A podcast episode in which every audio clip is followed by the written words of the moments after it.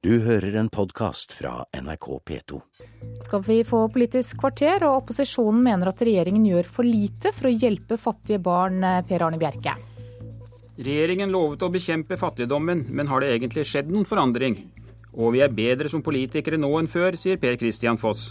Fredag har han sin siste arbeidsdag på Stortinget, 36 år etter at han møtte første gang.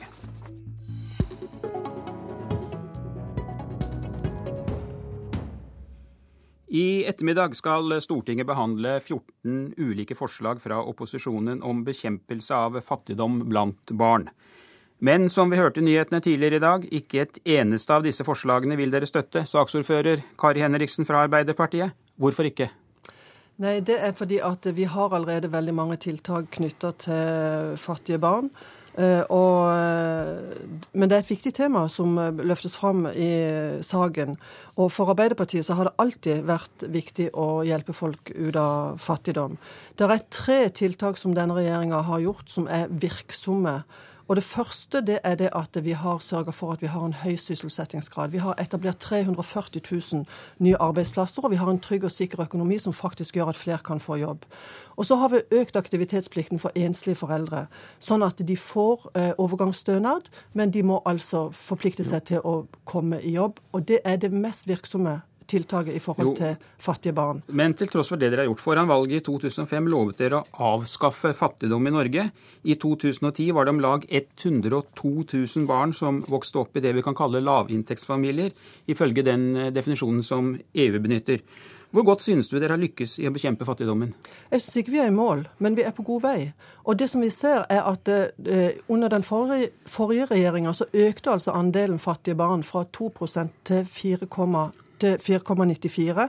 Nå er han på 4,91. Det er en svak nedgang, men det har stabilisert seg. Og det er en ja. tid hvor vi har kriser der 278 000 familier i Europa må flytte ut av hjemmet. Men vi kan eh, fastslå at dere har ikke lykkes med å avskaffe fattigdom, slik dere lovet? Vi har lykkes med å gjøre, fatt, å gjøre færre folk fattige. Det er et stort steg, og det krever en bred tilnærming på mange politikkområder for å lykkes i dette arbeidet. Og der har vi tatt grep. Jeg skal nevne bare det siste. De tre, det aller viktigste vi har gjort, det er å sørge for lovfesting testing av barns behov innenfor helsetjenesten, innenfor sosialtjenesten, og det kommer også nå innenfor justissektoren. Og Det betyr at de barna som, har, som, er mest utsatt for å få negative konsekvenser av det å leve i lavinntektsfamilier, de har altså fått en lovfesta rett til å få sine behov vurdert. Laila Dovøy, sosialpolitisk talskvinne i Kristelig Folkeparti. Hvor godt synes du regjeringen har lykkes i å bekjempe fattigdommen?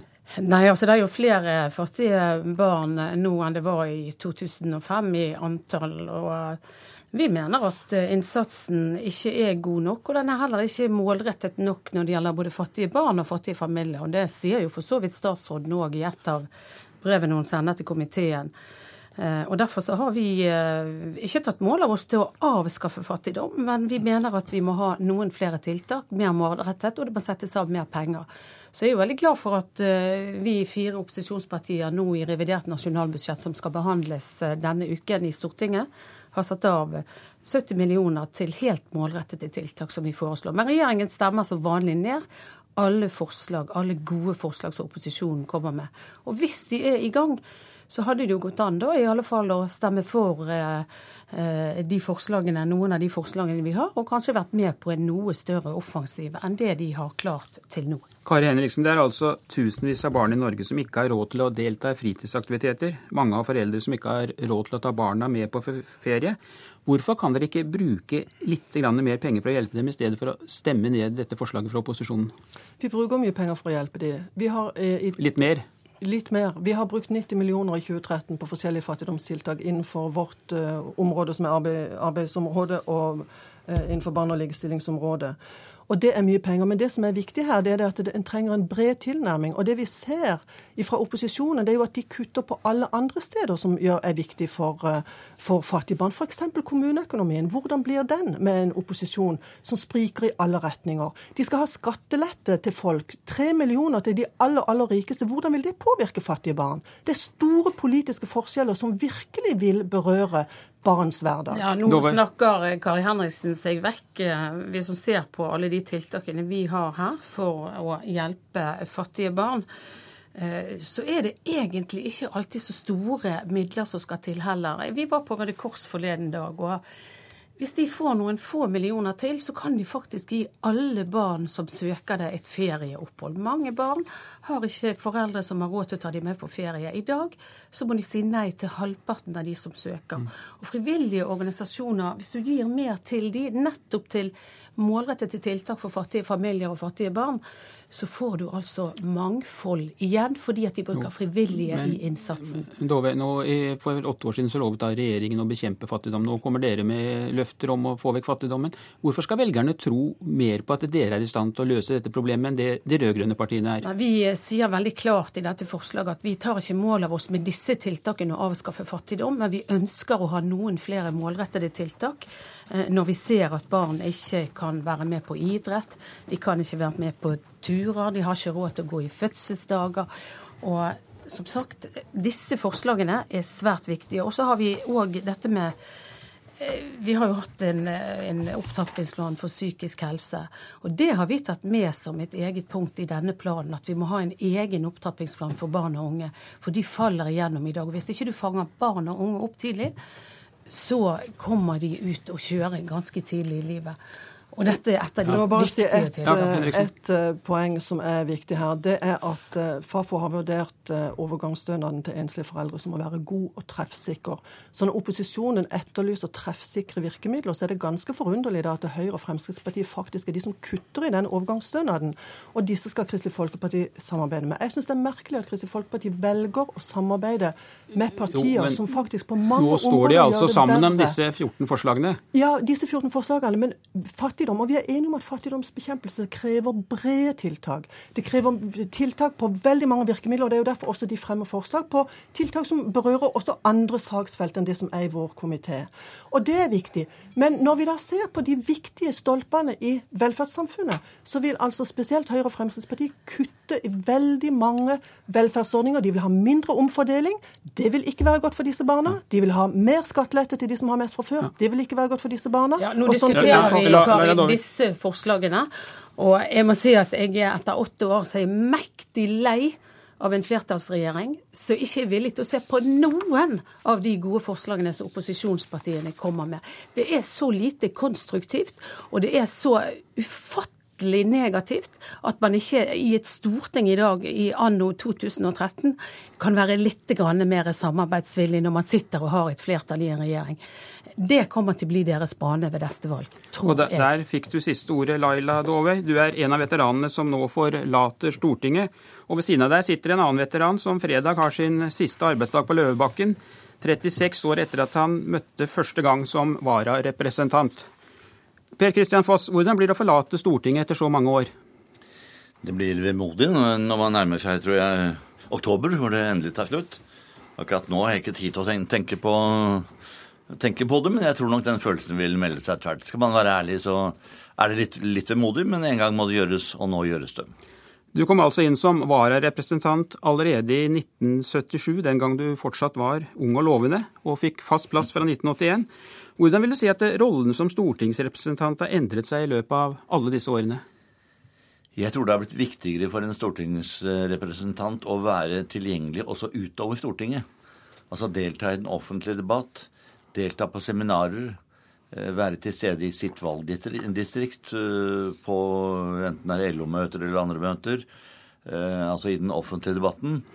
Så sånn sett har Stortinget blitt et sted hvor det er lettere å også forlate til tider og, jobbe utenom Stortinget som politiker. Og det syns jeg er et, eh, er et gode i for seg. For eh, det er jo ikke bare å sitte i komiteer og jobbe internt, men det å jobbe, jobbe utad er eh, etter hvert blitt viktigere og viktigere. Har vi bedre eller dårligere politikere, hvis du skal forsøke å gi en noenlunde nøktern beskrivelse? Det går jo mange myter om Stortinget i gamle dager, og vi husker kanskje en to-tre navn hvis du skal bli kjørt på kjørt hardt på. Jeg mener faktisk at Stortinget i dag fungerer bedre politisk i vårt system enn det gjorde den, den gangen. Nettopp fordi vi er uh, mer tilgjengelig utad. Og, og, presset fra media har jo blitt mye sterkere etter hvert. Så media utvikler seg, og er tilgjengelige nær sagt døgnet rundt. Og det er jo et gode for den som vil kommunisere med utenverden. Du har erfaring som statsråd eh, fra en mindretallsregjering, og så er du i dag visepresident i Stortinget under en flertallsregjering. Hvor mye blir eh, Stortingets innflytelse svekket når eh, regjeringen har flertall? Under mindretallsregjeringer så foregår jo forhandlingsprosessene mer åpent. For veldig åpne dører. Da så vi forhandlere gå inn og ut med store, tunge bunker og alvorlige minner. Nå foregår jo prosessene mer lukket, fordi at det er en prosess mellom regjeringspartiene på deres gruppemøter. Og der tror jeg nok det kan gå en, en kule hardt ganske ofte. Men den prosessen er ikke åpen på samme måte. Så man får et inntrykk av at Stortinget i dag er mer satt til side eh, og ikke er så viktig som arena som det var før. Men jeg tror det er langt på vei en tilsynelatende inntrykk. Men jeg beklager at, at ofte velger regjeringen å presentere sine saker også utenom Stortinget, og ikke legge det frem for Stortinget sånn på, på, på vanlig måte. Så så jeg er jo ganske opptatt av å beholde Stortinget som en viktig debattarena, og en arena for uh, presentasjon av politikk. Er en flertallsregjering, uansett hvem som har flertallet, nødvendigvis en fordel for demokrati og folkestyre? Ikke uansett, men eh, sett fra en regjeringsleders side, så er det helt klart at det er lettere å inngå kompromissene på kammerset i regjering eller med partigruppene på Stortinget på, på lukkede gruppemøter enn det er å gjøre det for åpen scene. Per Kristian Foss, du var i fire år finansminister og er eh, vel vant med å vokte pengebingen. Hvilke utfordringer står Høyre overfor dersom dere til høsten går i regjering med Fremskrittspartiet? Det er nok å overbevise eh, FrPs medlemmer om at eh, den samlede pengebruk er ganske viktig for, la oss kalle det, opphetet, hvor opphetet økonomien blir. Eh, der er det nok litt, litt, litt ulike syn.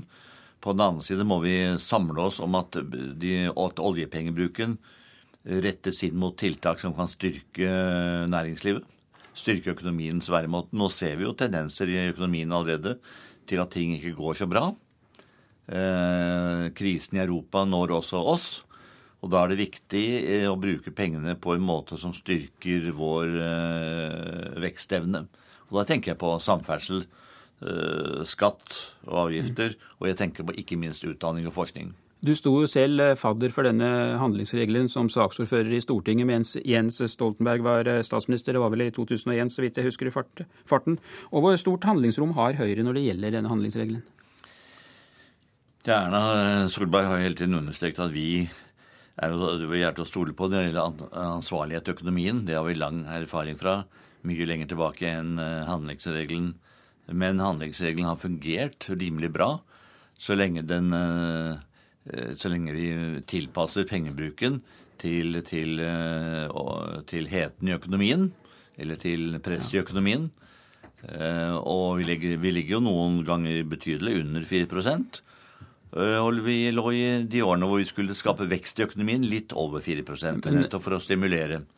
Men akkurat nå tror jeg nok at måten vi bruker pengene på, er like viktig som hvor mye vi bruker. Hva foretrekker du, en Høyre-sentrumregjering eller en regjering mellom Høyre og Fremskrittspartiet? Jeg foretrekker en regjering hvor alle fire er med, slik at kompromissene kan uh, være lettere å få til. Fordi det skaper en ansvarlighet i seg selv å være med i en regjering for regjeringspartier det å sitte i Stortinget og være støtteparti eh, er på en måte en invitasjon til litt, til litt uansvarlighet og mye spill. Tror du da Frp blir ansvarliggjort når det gjelder pengebruk, hvis de kommer inn i regjering? Er det det du sitter og sier? Det er mitt håp, iallfall. Eh, tør du slå av telefonen etter 9.9. Eh, i tilfelle Erna Solberg skulle ringe deg? Eh, jeg har alltid hatt åpen, åpen telefon for, for, alle, og jeg, jeg kjenner Ernas nummer, så jeg ser hvem som ringer. Så det betyr med andre ord at du er klar for en eventuell statsrådspost selv om du forlater eh, Stortinget? Ja, hvis du skulle trenge noen, noen seniorer i regjeringen. Jeg håper også at Erna sørger for at det blir en foryngelse av regjeringen. I går så utnevnte kunnskapsminister eh, Kristin Halvorsen deg til ny styreleder ved NTNU. Hvilke andre oppgaver kan du bruke din restarbeidsevne på, hvis du nå ikke skulle bli statsråd? Nei, Det får jeg ta etter hvert som den kommer. Men eh, jeg har fått en veldig spennende oppgave i å, lede styret i, et, i en ledende forsknings- og utdanningsinstitusjon i Norge som har internasjonale ambisjoner og, og ser langt utover, utover Trøndelag. Så det, det, er spennende. Takk skal du ha, Per Kristian Foss, som forlater Stortinget etter 36 år. Og det var eh, Politisk kvarter med Per Arne Bjerke. Du har hørt en podkast fra NRK P2.